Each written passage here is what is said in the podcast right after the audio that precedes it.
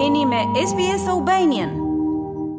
Kryeministri i vendit Edi Rama ka dhënë mesazhin e tij solidarizues nga Hiroshima e Japonisë për popullin e Ukrainës në një vjetorin e nisjes së luftës me Rusinë. Ai është ndalur dhe ka vendosur një buqetë me lule në Memorialin Përkujtimor të Paqes, duke vizituar edhe Muzeun Përkujtimor të Paqes.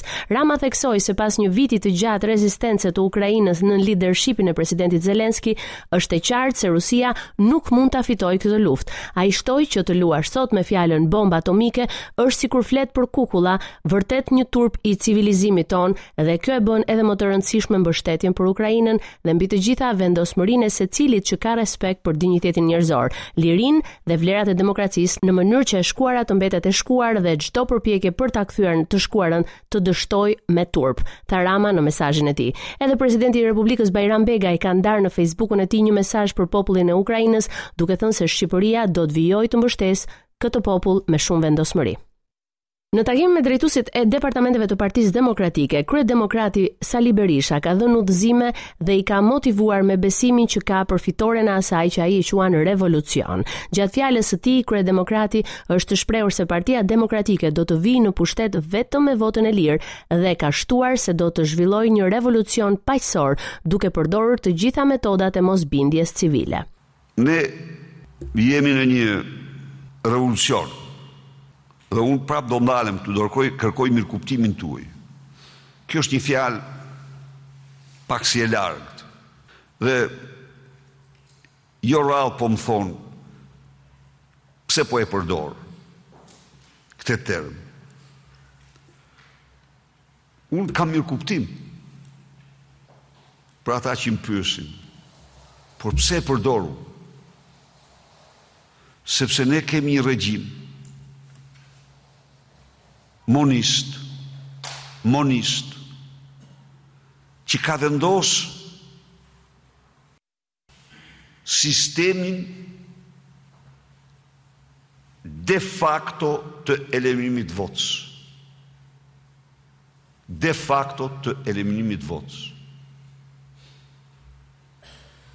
Ju që të gjithë e njifni procesin elektoral. Po në qofë se unë, Kryeministër, mobilizoj të gjithë makinerinë shtetërore dhe ti drejton një forcë politike vjen matesh me mua, unë me një logjistikë njëqind herë më të madhe se tënden, me një buxhet sa buxheti i shtetit, Kjo zgjedhjet i bën fiktive, se zgjedhjet kanë një një kusht themelor, lojtarë në kushte të barabarta. Unë u dhashë vetëm këtë shembull, po janë të gjitha praktikat tjera që ky ndjek kundër kundër votës së lirë, atëherë ç'na mbetet ne? Berisha mbylli fjalimin e tij me thirrjen, Të gjithë anëtarët e PD-së dhe intelektualët, të angazhohen në këtë lëvizje, në mënyrë që t'i arrijmë qëllimin, t'i dalim zot vendit në një moment kritik. Çdo intelektual kurrë nuk duhet të harrojë se thelbi është një rrezik më i madh, kështu që të bëjmë gjithçka të afrojmë çdo vlerë dhe të shkojmë të sigurt drejt një fitore të këtij revolucioni që do të jetë fitore e shoqërisë shqiptare. Ka përfunduar ditën e enjte protesta e opozitës para parlamentit. Protesta e radhës e paralajmëruar është në datën 3 mars në orën 12. Paralelisht me këtë protestë, u mbajt edhe seanca plenare në sallën e kuvendit, ku nuk munguan debatet mes opozitës dhe mazhorancës. I ndodhur mes protestuesve, kreu i Partisë Demokratike Sali Berisha tha se mazhoranca po shkel të drejtën kushtetuese të deputetëve dhe po pengon ngritjen e komisioneve hetimore.